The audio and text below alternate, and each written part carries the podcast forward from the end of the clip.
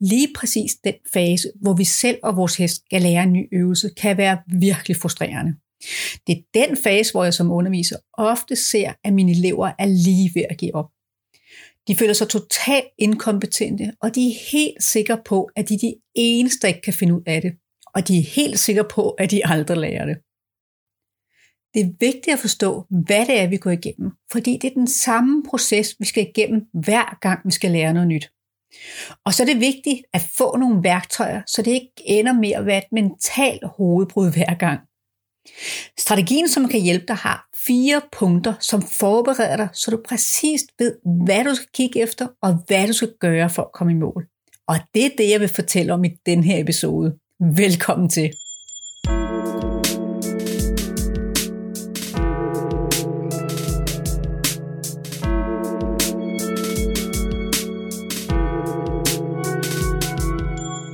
Mit navn er Christina Holmbæk fra Ride Kunstmæthed.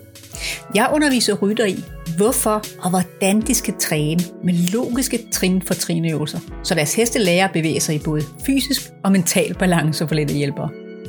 I min podcast giver jeg tips, tricks og inspiration og logiske forklaringer på sunde bevægelser og indlæring, som du kan bruge i din træning.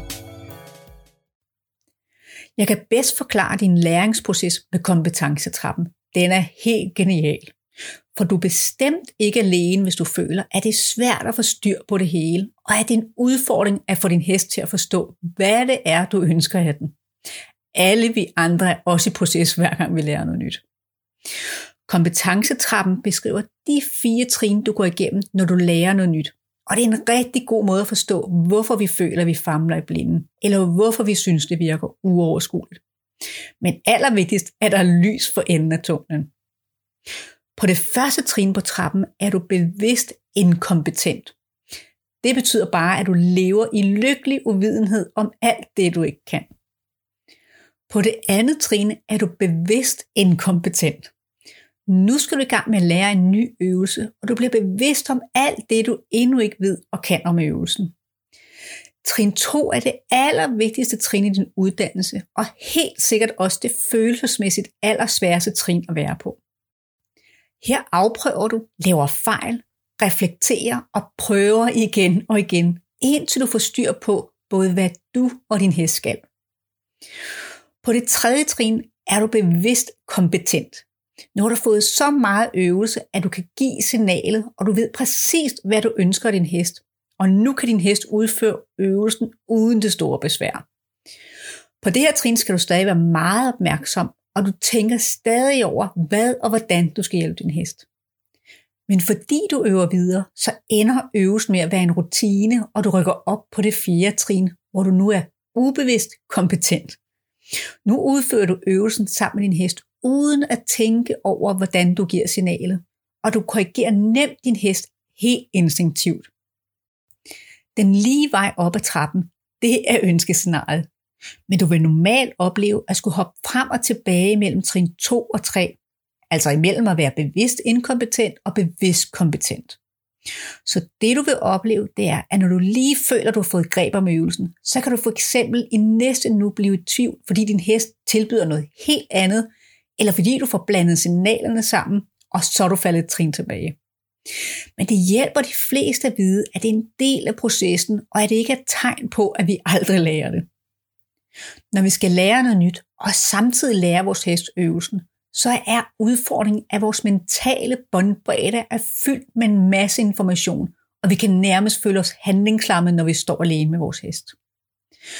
Ofte kan vi godt drømme os til, at bare vi var som de erfarne trænere, fordi vi tænker, at de slet ikke har de samme udfordringer, som vi har. Men den erfarne træner går også op ad kompetencetrappen, hver gang de skal lære noget nyt. Det er endda ofte langt mere avanceret og detaljeret ting, de arbejder med, så det bliver langt fra nemmere, jo længere frem i uddannelsen du kommer. Der, hvor forskellen er på os og dem, det er, at de ved, at hver gang de skal lære noget nyt, så er der en fase, hvor de nybegynder, og så har de en strategi for, hvordan de skal gribe øvelsen an for at komme op ad trinene. Strategien er som en køreplan, som skal hjælpe dig, så du kommer igennem indlæringsfasen med så få frustrationer som muligt. Strategien har fire punkter, og ideen er, at du skal udfylde punkterne så godt som du kan, inden du starter din træning. Og så kan du løbende tilføje forbedringer og nye tanker. De fire punkter er. Punkt 1. Der skal du skrive dit mål og alle de delmål, som skal til, for at du kommer i mål. På punkt 2, der skal du skrive ned præcist, hvilke signal du skal bruge, og så skal du udfylde din plan A og B.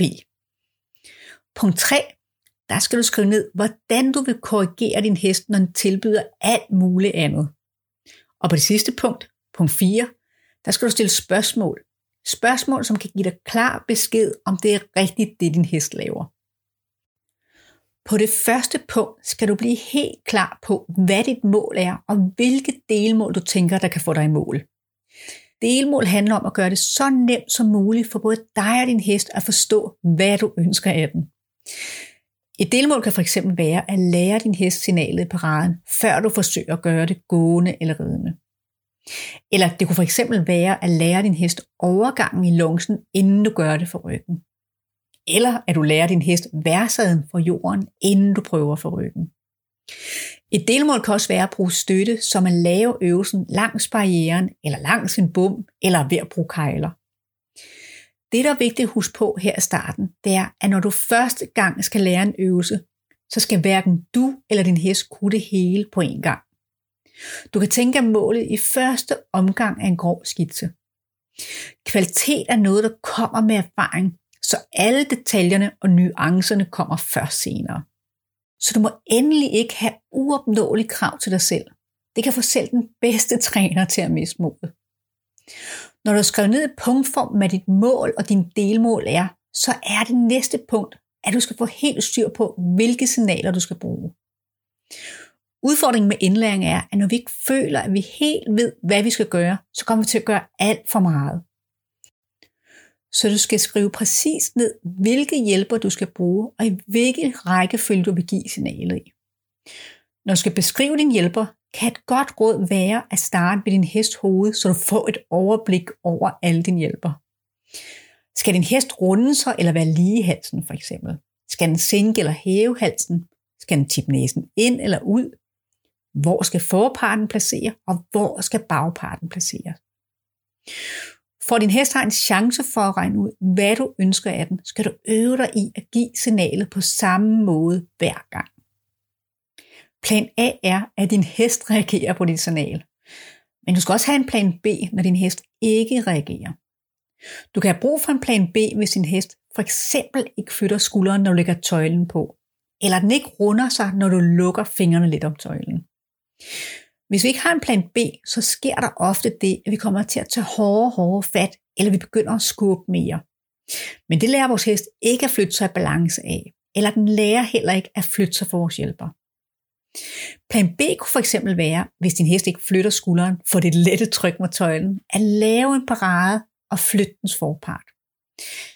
Eller hvis din hest ikke giver efter runder halsen, så kunne plan B være, at du står af og øver bøjningen for jorden af. Plan B kan også være en parade, eller du holder en pause og får lidt ild til hjernen.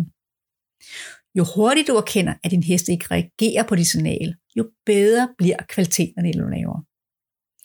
Et tydeligt tegn på, at du skal have fat i din plan B er, når du føler, at du har mange bolde i luften, og du ikke helt ved, hvad det er, du vil have din hest til.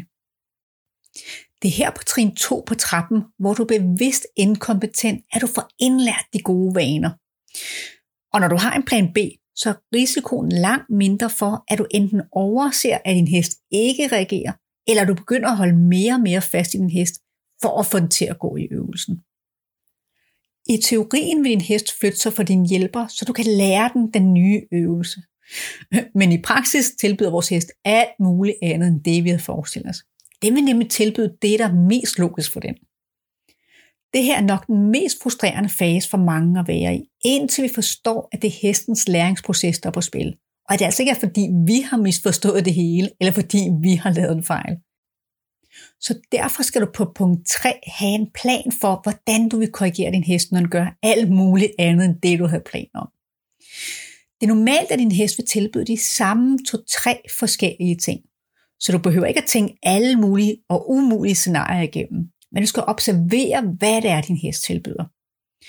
For eksempel i vasaden, der skal din hest gå på tre spor og lære at runde sig igennem overlinjen og lægge vægten tilbage på det indvendige bagben. Men det er slet ikke logisk for din hest, så i starten vil den formentlig falde på indvendige skulder og begynde at gå ind mod midten. Så snart du opdager, at din hest ikke går i værsæden, så skal du korrigere den ved enten at flytte skulderen tilbage på linjen, eller lave en parade og flytte skulderen tilbage. Din hest vil højst sandsynligt tilbyde at gå ind mod midten et par gange i træk, fordi det er meget mere logisk for den at være på forparten, end at flytte vægten tilbage på bagparten.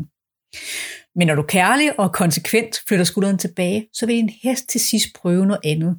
Og det er ofte at gå ud over den udvendige skulder.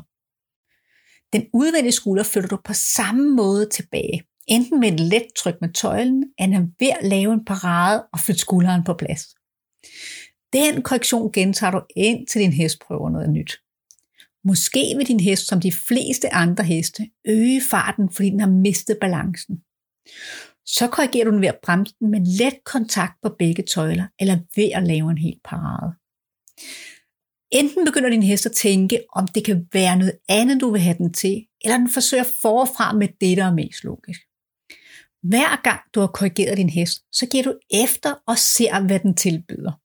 Det kan lyde enormt simpelt lige at flytte skulderen tilbage eller bremse med begge tøjler. Men når vi er i indlæringsfasen, så er der så mange ting, vi skal holde styr på.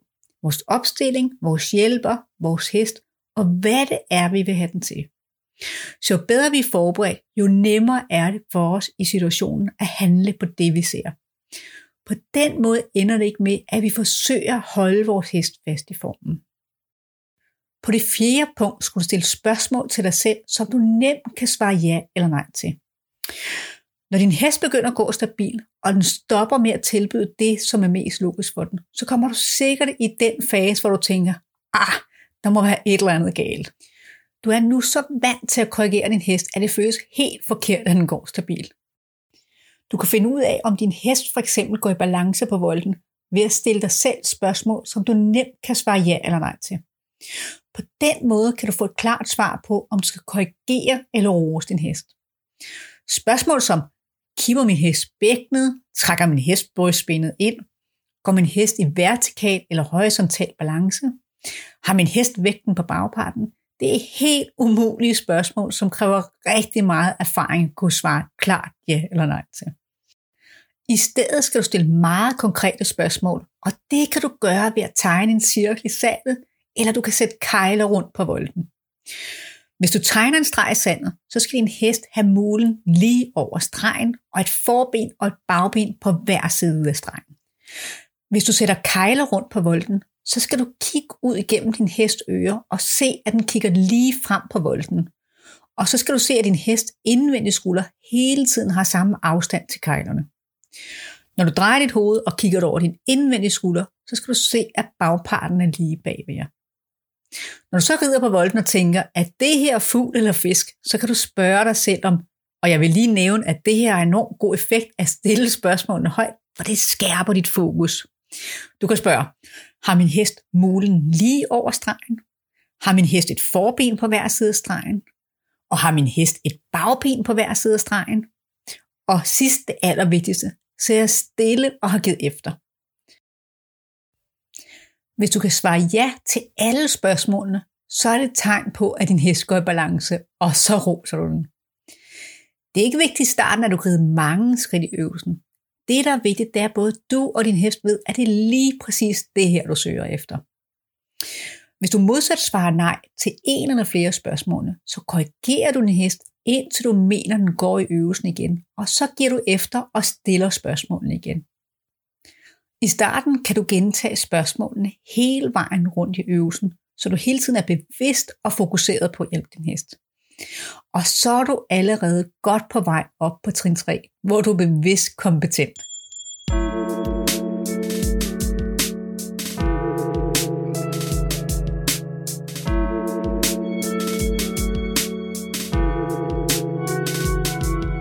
Tusind tak, fordi du lyttede med. Strategien med de fire punkter var 1. Mål og delmål. 2. Signalet og din plan A og B hvor plan B er, hvad du vil gøre, hvis din hest ikke reagerer på dit signal.